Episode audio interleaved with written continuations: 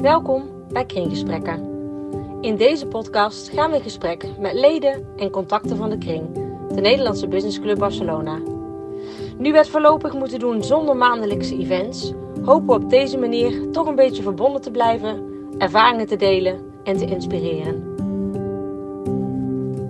Een van de sectoren die misschien wel het hardst getroffen wordt door de coronamaatregelen is de sport- en evenementensector.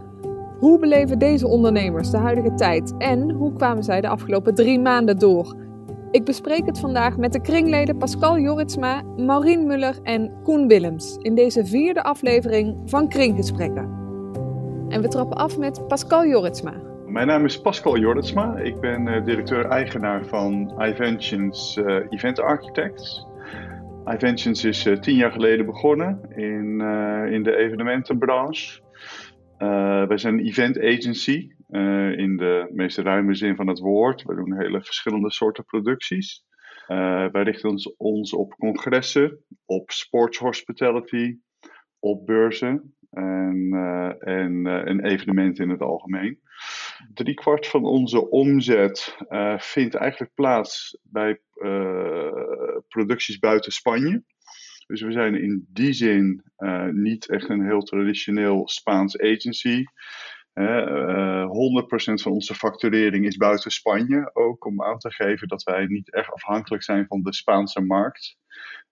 ja, dat is natuurlijk wel heel, wel heel gunstig voor ons. In deze tijden in het bijzonder. Ja, zeker in deze tijden. Aan de ene kant, kijk, uh, alle evenementen zijn getroffen door het coronavirus. Dus don't get me wrong, dat zijn wij ook zeker. Uh, maar goed, wij hebben wel te maken met verschillende landen, verschillende snelheden, verschillende kansen, verschillende mogelijkheden. Dus het is wel iets meer gediversifieerd in ons, in ons geval. Maar goed, op dit moment ligt het gewoon overal stil in heel Europa. Uh, dus, uh, dus ja, het, het, het, treft ons zeker. Maar het is wel zo dat als bijvoorbeeld, ik noem maar wat, Barcelona later open gaat of later zal zijn met het toelaten van uh, evenementen met honderden participanten, om maar eens wat te noemen. Ja, dan hebben we in ieder geval nog mogelijkheden in andere landen. Um, ik vroeg me af, hoe hebben ja, voor jou de afgelopen drie maanden eruit gezien? Ja, nou ja, ik denk wel uh, heel gelijkwaardig als heel veel mensen. Uh, natuurlijk zaten we met z'n allen in een lockdown. En hè, voor de mensen die niet in Spanje zitten, was dat in Spanje gewoon weer een stukje zwaarder dan elders. Ik ben heel erg zelf persoonlijk een buitenpersoon. Dus ja, ik, binnen zitten vind ik niet leuk. Maar goed, ik heb een fijn, fijn huis wonen op een fijne plek. Dus uh, ik heb niet veel te klagen. Maar zeg maar, als, uh, als business was het natuurlijk wel, uh, ja, wel schrijnend. Want ja, wij zaten in het midden van allerlei producties. Het begon natuurlijk al met Mobile World Congress. Dat is denk ik internationaal gezien wel het eerste grote evenement waar, waar dingen gebeurden die eigenlijk niet voor mogelijk werden gehouden. Um, en daar zaten wij middenin. Wij waren meerdere stands daar aan het bouwen. En, uh, en uh, we kregen te horen van uh, stop maar, we het hoeft niet door te gaan. Dus wij moesten al heel snel op basis van force majeure clausules die we met onze klanten hadden, ja, de, de zaken ontbinden en stoppen.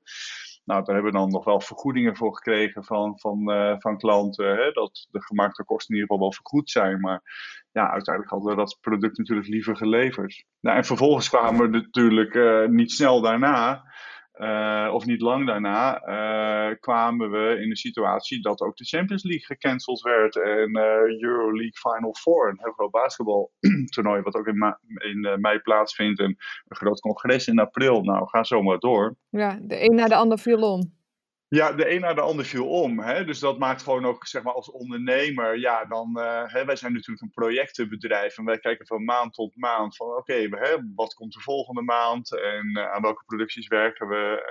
Uh, ja, en langzaam zie je zowel ja, je cashflow forecast als wel je, je pipeline, zie je langzaam leeg raken. En op een gegeven moment kom je ook tot de beslissing van, nou ja, goed, ik besluit gewoon om nu ja, maar vanuit te gaan dat het hele jaar gewoon nul wordt. Hè? En dat, uh, dat heb ik ook vrij snel gedaan al hoor. Dat ik al heel conservatief begroten van jongens, laten we maar ervan uitgaan dat het niet meer wordt dit jaar. Dat alles volgend jaar gaat worden. En wat betekende dat voor, ja, voor het bedrijf? Ik weet niet, hoeveel, hoeveel man personeel heb je bijvoorbeeld? En wat heb je daarmee moeten, moeten doen?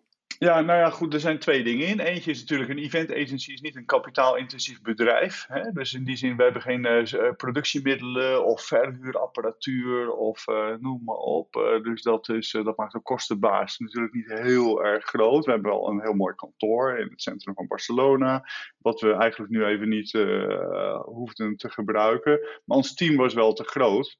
Geluk is dat, is dat in de evenementenbranche heel gebruikelijk is, is dat je met freelancers werkt ja, die freelancers die uh, hadden natuurlijk als eerste uh, ervaren van ja, er is even geen werk.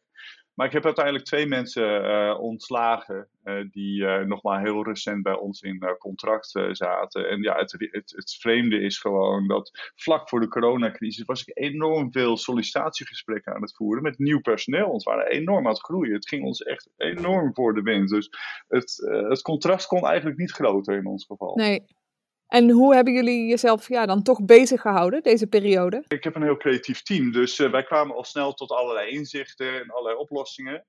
Nou, twee daarvan kan ik je even snel toelichten. Eentje is, wij hebben wel heel snel allerlei designs gemaakt. Oh, hè, door alle, alle informatie die we maar vonden, die we tegenkwamen en de experts die wij spraken, van hoe kunnen we dingen nou veilig gaan maken? Want wij zijn toch ja, event-architects. Wij moeten toch uh, um, ja, een voorbeeld zijn voor onze klanten van waar het naartoe kan gaan. En iedereen zat natuurlijk op antwoorden te wachten. Dus we hebben designs gemaakt van hoe, op je, hoe je op een veilige manier weer evenementen zou kunnen uh, produceren. Nou, dat heeft ertoe geleid uh, bijvoorbeeld dat er een aantal grote organisatoren naar ons toe zijn gekomen en hebben gezegd: Oké, jullie hebben een goed protocol ontwikkeld, kunnen jullie ons daarbij helpen? Ook uh, Vieren de Barcelona, om een voorbeeld te noemen, heeft ons gevraagd om hun protocol verder vorm uh, te geven. Om, uh, om daar maar wat een voorbeeld in te noemen. en, een ander, en een ander ding wat we hebben gedaan is dat we hebben in het educatieve systeem zijn natuurlijk ook allerlei problemen. Van ja, hoe ga je nu met 15 studenten per klas? Hoe ga je daar nu mee om als je niet de vierkante meters hebt in je school? En toen hebben wij een concept verzonnen dat heet Aula Extra. Van hoe wij scholen zouden kunnen helpen met onze know-how. Met onze know-how op het gebied van uh, tijdelijke infrastructuur, huurmaterialen, snel handelen, projectgedreven, uh, snel bouwveilig, brandveilig. Ruimtes creëren. Um, en hoe kunnen we scholen daarbij helpen? En we zijn nu in gesprek met, met vier scholen om. in Spanje, ja, ja, ja, ja. Allemaal in de omgeving van Barcelona ook. Uh, om te kijken hoe we ze kunnen helpen met uitbreiding. En in sommige gevallen is dat uitbreiding uh, binnen de school, hè, waarbij we bestaande ruimtes opnieuw herinrichten, gebruiken, intimmeren op zo'n manier dat ze uh, de ruimtes ook als klaslokaal kunnen gebruiken, de algemene ruimtes. Of in sommige gevallen ook door uitbreiding op, op de buitenterreinen met tijdelijke structuren, waar we ook verschillende oplossingen voor hebben. Dus, ja, dus zo, hebben we ons, zo houden we ons bezig.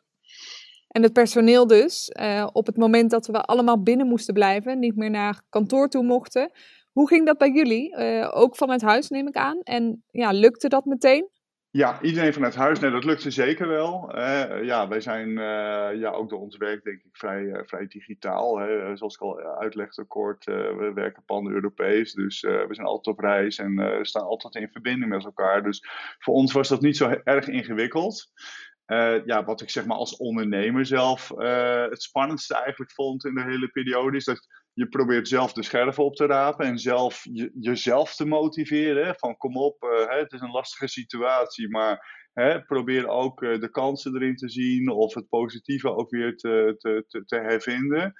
Maar ja, dat moet je natuurlijk ook uh, moet je, je team daarin meenemen. Dus het, het motiveren van uh, mensen digitaal vind ik, vond ik wel lastiger. Dat zeg ik eerlijk. Uh, maar het was niet onmogelijk hoor. Het was helemaal niet moeilijk of zo. Maar dat kostte me wel meer energie dan dat het normaal is. Kijk, wij zijn natuurlijk een bedrijf die zich richt op live events en live experiences. Maar ook als ondernemer ben ik zo dat ik, ja, ik ben in staat om mensen ja, heel goed te motiveren. Maar ik doe dat graag wel face-to-face. -face. En dat is lastiger via een webcam, uh, denk ik toch. En wat, wat neem je mee uit, uit deze crisis voor, voor de toekomst? Zijn er ook dingen ja, die je hebt geleerd of kansen die, die zijn ontstaan juist door deze situatie?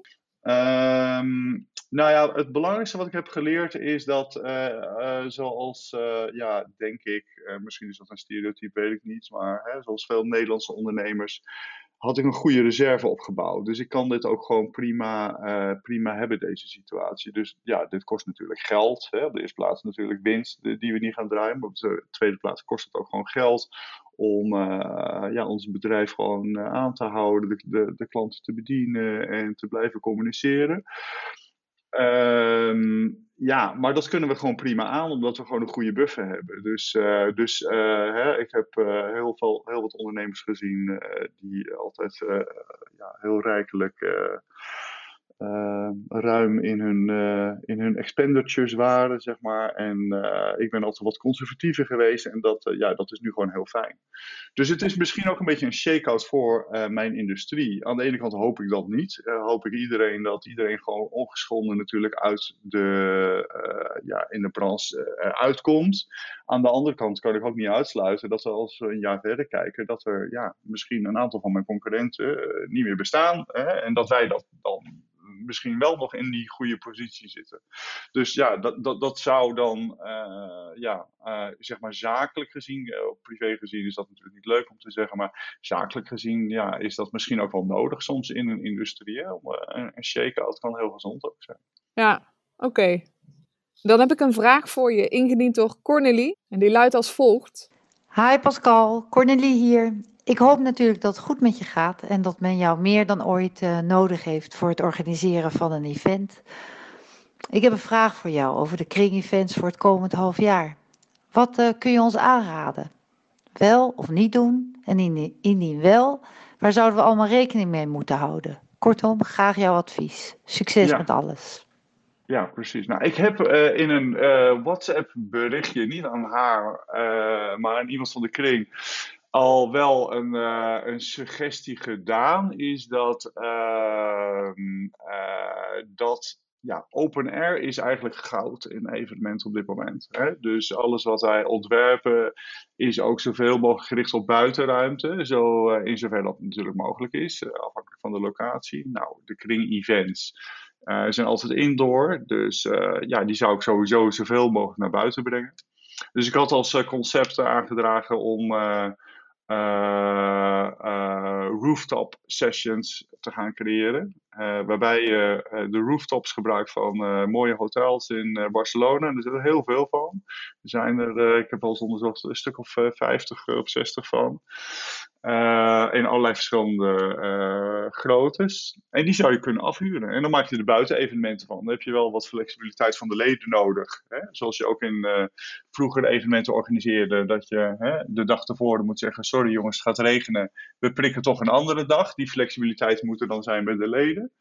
Maar dan maak je het helemaal open air. En dat kan voor een groot deel van het jaar kan dat gewoon in Spanje. Hè. Uh, dat kan je, hè, zelfs met wat, uh, wat buiten terrasverwarmers, kan je tot uh, soms wel in november, december, kan je dat vaak nog, nog organiseren.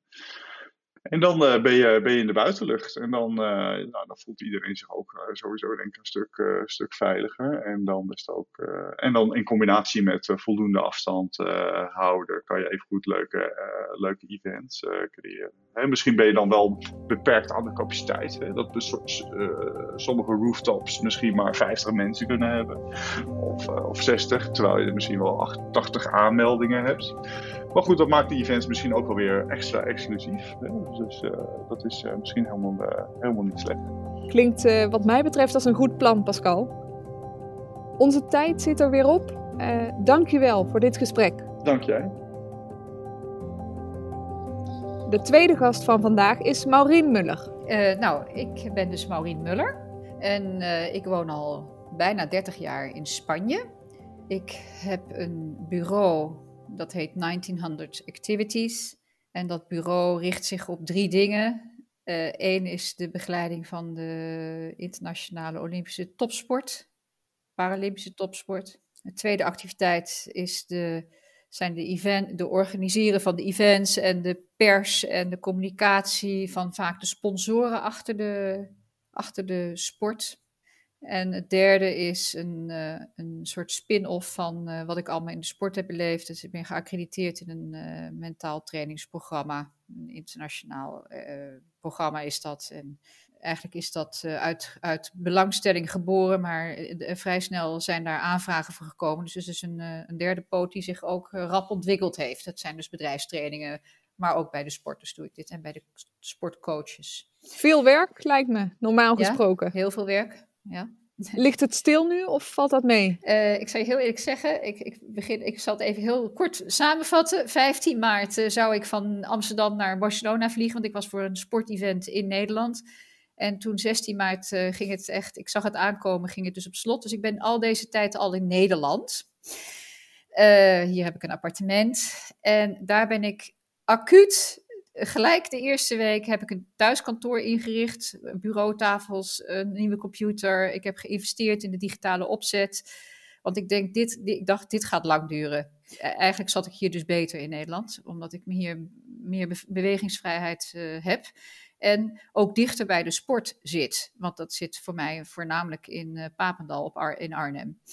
En, uh, en daar speelde zich natuurlijk ook het een en ander af. Want mijn mijn uh, agenda zat helemaal chockvol tot aan, uh, tot aan de Olympische Spelen met uh, allerlei sportploegen die nog op voorbereidende trainingstages gingen naar Zuid-Europa. En ja, ik begeleid hen, ik, ik gids hen, ik zoek het uit, ik zoek de locaties uit. Nou, en dat was natuurlijk afwachten, afwachten, afwachten wat er met die Olympische Spelen ging gebeuren. Dus toen op 24 maart dat duidelijk werd, um, nou, dat was op zich, uh, toen kwam er helderheid. Maar toen kwam er gelijk voor mij weer best wel veel werk aan. Want toen moesten al die uit, aanbetaalde en uitgerolde stages uh, weer teruggedraaid worden. Dus daar ben ik toen eigenlijk vrij lang mee bezig geweest. Ten meer ook omdat ik in Spanje bijna niemand meer kon bereiken. Want alles was op een automatisch bandje van... Uh, eh, debido a la situación. En nou, afijn, typisch teruggebeld, nooit, werd nooit teruggemaild. En, en daar stond natuurlijk vrij veel geld uit. Want je moet je voorstellen dat, ik zal maar zeggen, als de Olympische zwemploeg op uh, stage gaat. Uh, ja, dat is toch gauw 30, 40.000 euro wat, je, wat daar uh, hè, al van tevoren aanbetaald wordt en zo. Ik zit daar niet uh, financieel niet zelf in, maar ik, ik verdedig wel de belangen van de, van de klant, zeg maar zeggen. Nou goed, dus ik ben eigenlijk heel secuur toen te werk gegaan. Want juist hier kwam ook mijn ervaring en zeg maar mijn skills kwamen He, werd juist beroep op gedaan. Want iemand op een bondsbureau kan zoiets nooit doen. Je kunt niet, die kunnen niet bellen met een, een sport, uh, sportcentrum of met een hotel of met een uh, van wilt u mij het geld even terugstorten? En, en laat staan een brief schrijven. Dus uh, daar uh, heb ik veel tijd in gestoken, maar daar heb ik ook 100% score op gehad. Dus ik heb, ik heb hem als een terrier ingebeten. En ik denk, ja, ik laat me niet, ik laat me niet uh, piepelen door uh, alle mensen daar. Eh, ook al kan ik er nu niet naartoe. Want in, feite het beste is gewoon gelijk naartoe gaan. En, en, je, en, je, en je vertonen. En zeggen, ja, hier moeten we natuurlijk wel uitkomen. Maar dat, kon, dat was al sowieso geen optie. Dus ehm, met heel veel trek- en duwwerk. Ook nog bij één zaak heb ik ook gewoon een advocaat bij gehaald. Ik zei, doe mij eens even een hele goede, sterke juridische brief. En uh, met een uh, vrij duistere grote hotelbezitter in Valencia. Daar stond ook veel geld uit. En dat is allemaal teruggekomen. En, daar, en dat is nou eigenlijk bijna net af. En dus daar ga ik de volgende maand, mag ik mijn eerste factuur weer sturen. Sinds uh, drie maanden niks. Gaat dus de goede kant weer op. Zeker. En ik heb gelukkig vet op bot. Want ik, heb, ik doe dit werk al bijna twintig jaar. En ik heb altijd gespaard. En altijd heel want sport is niet een heel uh, goed betalende sector, behalve als je natuurlijk uh, de sporter zelf bent in voetbal. Maar voor de rest uh, is het natuurlijk is het allemaal armoe. Dus ik heb altijd heel, heel braaf gespaard. En, en ik ben altijd een eenpitter geweest. Dus ehm, daar heb ik nu profijt van. Want ik, ah, ik, ik, kan heel veel dingen gewoon zelf. Ik kan het op afstand. En ik heb, uh, en nogmaals, ik heb wat reserves. Dus ik kan er wel op. Het doet mij wel zeer, hè. Ik ben ook gewoon ondernemer. Dus ik baal ervan dat het natuurlijk verdampt. Voor je ogen. Maar ja, ik hoef me niet echt, gelukkig niet, nog geen zorgen te maken. Nou, gelukkig. Fijn. je werkt nu dus vanuit Nederland, normaal gesproken vanuit Barcelona. Maar ja, praktisch en logistiek lijkt het niet zo heel veel verschil te maken voor je. Klopt dat? Nee, nul. Dus het, eh, helemaal niet. Het is het, ja, het mijn uitzicht. Thuis kijk ik over de Montserrat en uh, hier kijk ik over Amsterdam-Zuid uh, een schoolpleintje. dus, en ik had sowieso al hoor, voordat Tokio, ehm, of met het met, Spelen in Tokio, had ik mijn vizier al gelegd verschoven naar de Olympische Spelen in Parijs. Dus daar was ik al in mijn hoofd mee bezig. En ook in mijn netwerk mee bezig. En eigenlijk is dat, dat plan, ben ik nu ja, gewoon verder aan het uitwerken. Dat verschilt ook niet zoveel uh, als mijn situatie in januari. Dat was, dat was al een keuze die ik had gemaakt. Uh, en waarom heb je die keuze toen gemaakt? Ja, het is twee, tweeledig. Uh, Tokio ligt natuurlijk het Verre Oosten, dus dat, dat gaat, die route gaat niet via via Zuid-Europa. De Spelen in Rio was wel, dat was een brugfunctie. Daar ben ik heel veel in Portugal. ben ik eh, twee maanden ongeveer in Portugal uh, aan één stuk geweest. Om allerlei sportploegen die dus vanaf daar naar Rio vlogen. Maar uh, de voorbereidende kampen voor Tokio liggen toch veelal in het Verre Oosten. Dus ik had tot aan juli had ik veel sporters. Maar daarna, dus de maand augustus, ja, dan zou sowieso te spelen beginnen. Maar uh, dus eind juli, vanaf eind juli gingen ze toch allemaal die richting uit. En ik was niet betrokken, en dat is het tweede antwoord. Ik was niet betrokken bij de Spelen van Tokio. Uh, waar uh, in tegenstelling tot alle spelen daarvoor, waar ik wel in een soort van facilitaire ring altijd op de, op de venue, hè, dus op de plek zelf waar de spelers zijn, dan functioneer. Um, uh, en dat komt gewoon door mijn persoonlijke situatie, omdat natuurlijk uh, mijn man vorig jaar is overleden. En dus ik kon mij ook sowieso niet verhuren voor, voor, voor Tokio. Dat, dat had ik al gekozen. Buiten dat het ook, ja, dat dat, dat, dat gewoon ook niet helemaal op mijn goede logische route lag. Want, mijn, want het specialisme ligt natuurlijk in Zuid, Zuid-Europa in de mediterrane gebieden. Ja, um, zoals je weet, Marien, vragen we leden van de kring steeds om ook een vraag in te sturen voor de podcast. Voor jou heb ik er een van Lotte Engels. Hi Marien, Lotte hier. Hopelijk gaat alles goed met je. Ik wilde even vragen of jij een idee hebt uh, wat het effect, mentale effect is op sporters, uh, de topsporters die op dit moment niet kunnen trainen. We weten allemaal dat het fysieke implicaties heeft, maar wat zijn de mentale aspecten van eh, de quarantaine geweest op uh, topsporters? Uh, dat is, werkt twee richtingen uit. Eén is het demotiverende, dus inderdaad. dus dat je de, het uitzicht op een concreet plan, hè, een, een planning, want zo'n zo, zo cyclus zit heel strak in elkaar gepland en daar zitten dus al die toernooien ook bij. Dat kan een probleem zijn, maar de andere kant, en dat is natuurlijk heel interessant, is dat je eigenlijk nooit in zo'n hele drukke periode en uh, zo'n strakke planning. En het is een soort militair kamp, hè? Dat je dus eigenlijk nooit de tijd hebt om eens te verkennen waar jij zelf, hoe je jezelf eigenlijk ontwikkeld hebt. Hoe je, hoe je dingen in een ander perspectief of met misschien veel minder ideale omstandigheden kunt doen.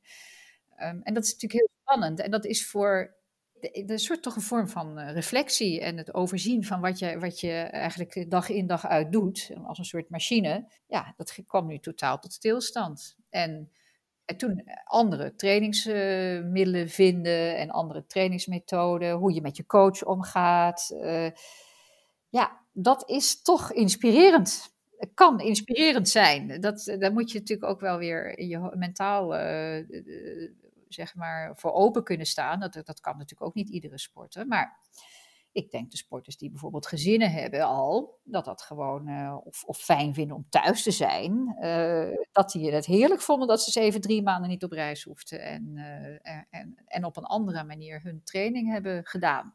Ja, dus in die zin kan het ook een positieve wending hebben, zeg je dus. Ja, zeker. Ik, en ik denk dat degenen die dit ontdekken, dat die, hè, dus het omgang, omgaan toch met deze abrupte wijziging, als je daartoe in staat bent om daar wat van te maken, dan is het een gigantische win, uh, win-situatie. En andersom, voor sporters op wie deze situatie misschien een wat minder uh, gunstige invloed heeft, is daar begeleiding voor of misschien ook wel uh, ja, mentale hulp voor nodig? Ja, er zijn natuurlijk mensen die uiteindelijk gewoon zeggen: ik, ik uh, 2021 is me te ver weg. Ik heb een, ook een maatschappelijke carrière. Hè. In de roeierij heb je vrij veel academisch gevormden. Die hebben, zitten ook in hun ja, in hun, uh, hun, hun uh, opleiding voor arts of ja, carrière stappen die hun bedrijf tot aan 2020 wel, vonden ze het wel prima dat je één ging trainen en ging werken. Maar ja, dat kun je niet eindeloos volhouden. Dus dan kiezen ze voor die situatie, voor de, van dan maar niet meer naar de Spelen. Dat kan, bijvoorbeeld. Hè, dat, kan een, dat kan een beslissingsmoment zijn. het demotiveren, inderdaad, het er dus niet mee om kunnen gaan, is ja, heel, eigenlijk heel onaardig gezegd, dus bijna een vorm van selectie. Ja, op een heel ander niveau dan, dan dat de meeste sporters eh, natuurlijk tot nu toe gewend waren. Ook wel heel interessant. Ik ben wel benieuwd naar ja, hoe dat er over een jaar dan uit gaat zien. absoluut. Eh, de grootste zorg zit hem in de, in de ongelijke omstandigheden. Uh, dat, dat, dat, dat kun je nog, daar kun je eigenlijk heel weinig over zeggen nu. Maar dat zie je natuurlijk ook over een jaar als het allemaal doorgaat. En natuurlijk blijft ook dat uh, natuurlijk hele gedoe met uh, dopingcontroles zijn natuurlijk ook niet. Uh, dat, dat natuurlijk, heeft ook nu niet goed plaats kunnen vinden. Nee. Goed, Maureen, bedankt voor je tijd. Wie weet tot gauw weer in Barcelona. En ja, voor nu heel veel succes. Nou, ik heb er zin in hoor. Dankjewel. De derde gast alweer van deze aflevering is Koen Willems. Mijn naam is eh, Koen Willems. Ik ben uh, directeur-oprichter van uh, Running Barcelona, Physiotherapy Barcelona en Healthcare Barcelona. En ik ben werkzaam als fysiotherapeut, als trainer en als mental coach. Uh, onder andere in het hardlopen als specialiteit en in de chronische pijnmanagement. En ik ben in november 12 jaar al in Barcelona. Ja, de afgelopen drie maanden, hoe hebben die eruit gezien voor jou? Ja, moeizaam. Dat wil zeggen dat, dat ik een bijzonderheid had omdat ik vorig jaar in juni net mijn nieuwe centrum geopend had. Wat, wat de bedoeling was dat het juist dit jaar heel stabiel grote, ja, stevige groei zou krijgen. En dat we dit jaar eigenlijk aan het einde van het jaar zouden zijn waar ik graag zou willen zijn. Ja, dat, is op dit moment ja, totaal uh, niet meer een optie, denk ik. En hebben we de afgelopen drie maanden eigenlijk met name gewoon gekeken van hoe kunnen we overleven en hoe kunnen we na de zomer toch weer proberen hopelijk wat, wat op te starten. En hoe was dat? Want het, half maart natuurlijk ging de boel in Spanje op slot. Was dat voor jou ook, betekende dat van het een op het andere moment helemaal geen werk meer? Um, ja, bijna direct. Dat wil zeggen, wij waren op dat moment werkzaam met, uh, met een Nederlandse uh, arts, uh, mijn twee Nederlandse fysiocollega's en ikzelf. Um, bij de Nederlandse arts werden eigenlijk alle afspraken die week meteen automatisch al gecanceld door de, door de patiënten zelf. veel buitenlanders, veel Nederlanders ook die teruggingen naar Nederland meteen nog in datzelfde weekend. Um, mijn twee collega's zijn uh, respectievelijk één maand en anderhalf maand volledig gestopt. En ik heb zelf als enige, ja, ook omdat ik uh, ja, uh, als eigenaar van de zaak toch ja, zoveel mogelijk door wilde blijven werken, heb ik de, de, de urgentiegevallen blijven zien. Dus dat wil zeggen dat vanaf de eerste week, mm, ja, waar ik normaal gesproken ongeveer 30 uur draai, is het naar 6, 8 uur gegaan meteen. En thuiswerken op afstand, is dat een optie voor jou? Kun je online bijvoorbeeld uh, patiënten wel advies geven of oefeningen voordoen? Ja, nee, nee precies dit. Uh, dus we hebben een aantal individuele klanten wel gezien. Uh, ik heb een aantal klanten gezien die bijvoorbeeld met, met hernia-achtige klachten, ja, dan, dan krijg je een vraag, wat kan ik nog doen? Um, nou, dan doe je een Zoom uh, inderdaad met, uh, met oefeningetjes. En laat je mensen oefeningen doen en kijken hoe het voelt. En dan probeer je ze vanaf de afstand te, begeleiden. Dat, dat aan de ene kant, uh, meer op individueel niveau. En wat ik zelf meteen gedaan heb, is vanuit de bedrijfskant heb ik voor, voor PepsiCo zes video's opgenomen. allemaal met verschillende thema's. Maar met name van hoe kan ik goed thuis werken met de ergonomische adviezen. Uh, hoe kan ik goed rekken en strekken? Hoe kan ik cardiovasculair wat oefeningen doen om toch nog fit te blijven? Uh, en, een, en, een, stukje energy management. Uh, hoe kan ik met stress omgaan? Hoe kan ik mijn fysiek en mentale weerbaarheid zo goed mogelijk houden in, in de komende weken? En dat was eigenlijk met name inderdaad op, op, op bedrijfsniveau. Je bent zelf ook fanatiek hardloper. dat heeft dus ook een hele tijd stilgelegen voor jou. Kijk je dan met een ja, bepaalde jaloezie naar Nederland, waar, waar mensen wel buiten mochten sporten? Ja, uiteraard. Uh, uiteraard. Kijk, ehm, ik heb een aantal keer veel contact gehad met, met, met mensen natuurlijk in Nederland. Mijn broer zelf heeft, heeft een burn-out gehad een x aantal jaar geleden. En heeft in deze fase juist zijn energie enorm omhoog zien gaan. Waarom? Omdat hij minder gewerkt heeft. Wat in zijn geval heel goed is. dat had hij nodig, denk ik ook weer. Maar hij is dus ook gewoon blijven sporten. En hij is in dat sporten is hij in die afgelopen twee maanden juist weer heel mooi omhoog geklommen. En hij heeft, dagen dat ik dus binnen zat, heeft hij gewoon 20 uh, kilometer gelopen, wat hij normaal gesproken eigenlijk misschien juist niet deed. Dus ja, tuurlijk, dan, dan uiteraard uh, heb ik, uh, had ik, was ik liever in Nederland geweest dan in Spanje. Dat is niet meer zeker. Koen, uiteraard hebben we voor jou ook een vraag, ingediend door een van de kringleden. En dat is Sander Laudi.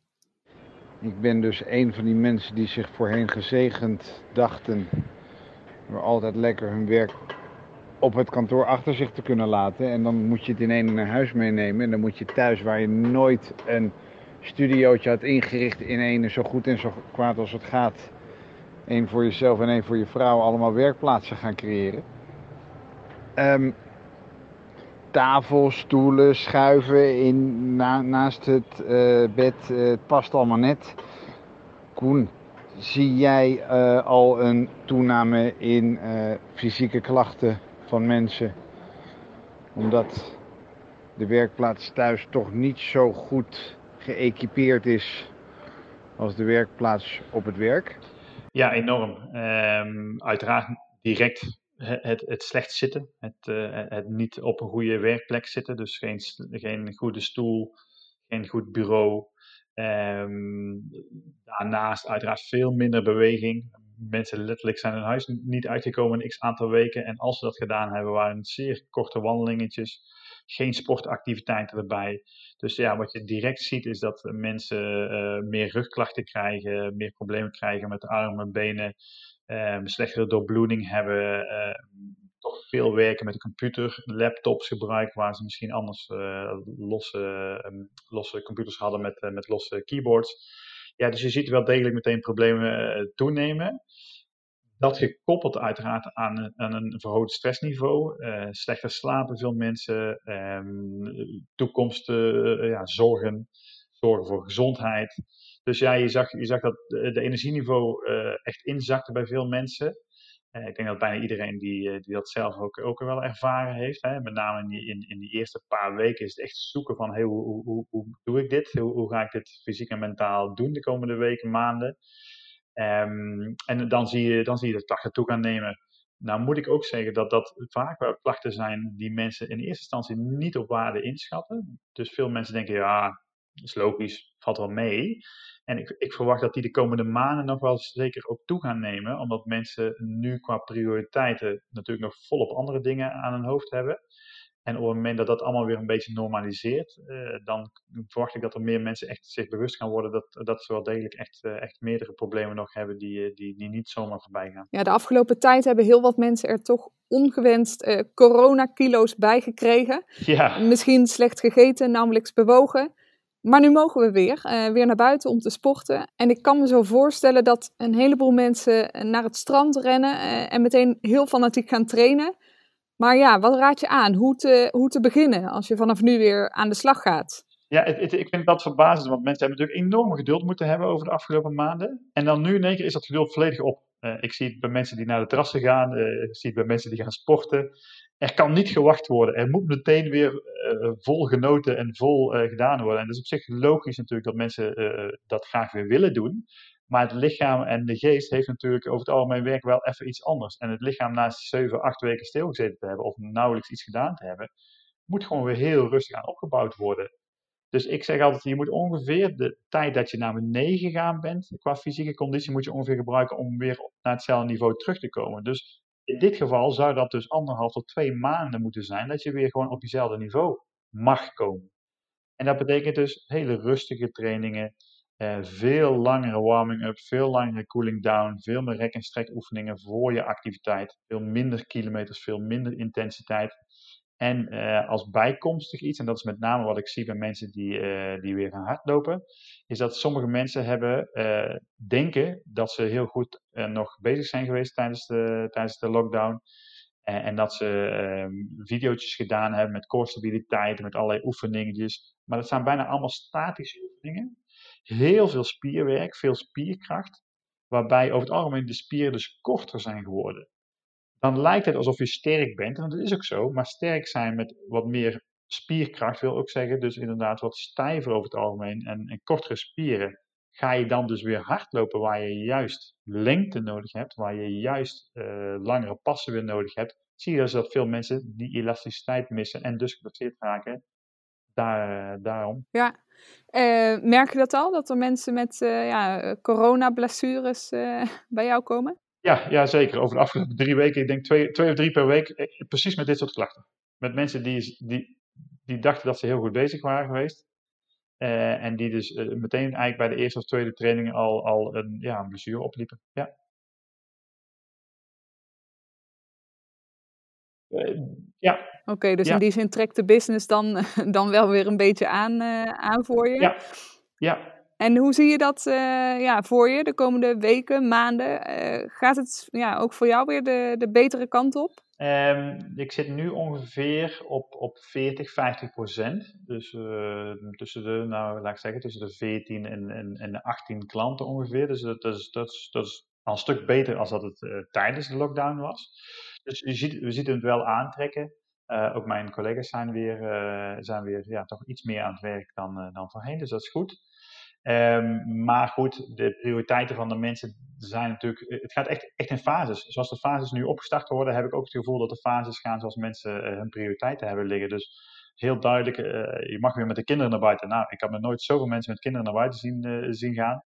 Um, het sporten mag weer. Nou, ik heb nog nooit zoveel mensen bij ons in Colserola zien hardlopen, zien fietsen, et cetera. En vorige week maandag, toen, toen dan de fase, of, of twee geleden, toen de fase 1 begon, toen waren er in één keer alweer heel wat minder mensen op maandagochtend in Colserola. Dus waren er weer meer mensen die hun koffie, hun, uh, barretje opzochten. Dus het gaat echt in, in de fase van wat mogen we weer? Ja, wat mogen we weer? Kijk, qua gezondheid heeft het, is natuurlijk niet echt een fase wanneer het weer losgelaten wordt dat je weer aan je gezondheid mag denken. Uh, dus dat moet vanzelf weer komen. En dat heeft op dit moment denk ik nog geen prioriteit in, uh, in het heropstarten van het leven dat zit hem wel dichter op de pleziertjes, denk ik, dan uh, op de noodzaak op dit moment nog voor veel mensen. Dus we gaan het zien. Ja. Oké, okay, Koen. Uh, ook dit gesprek zit er helaas alweer op. Dankjewel. Graag gedaan.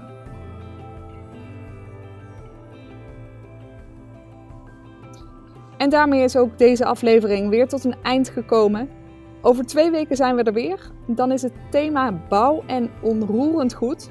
Sprekers worden nog bekendgemaakt en je weet het, als je vragen hebt, dan horen we dat heel graag via de mail of WhatsApp. Bedankt voor het luisteren en heb nog een hele fijne dag. Deze podcast werd mede mogelijk gemaakt door de sponsoren van de Kring: Euroeconomics, freelancecra.com, Talent Search People, Sembrere Advocaten, IFAR, IESSE, Naranja Tech Rabobank, Interaction, Citytrip Barcelona en EY. Wil je meer weten over de kring? Kijk dan ook eens op onze website www.dekring.org.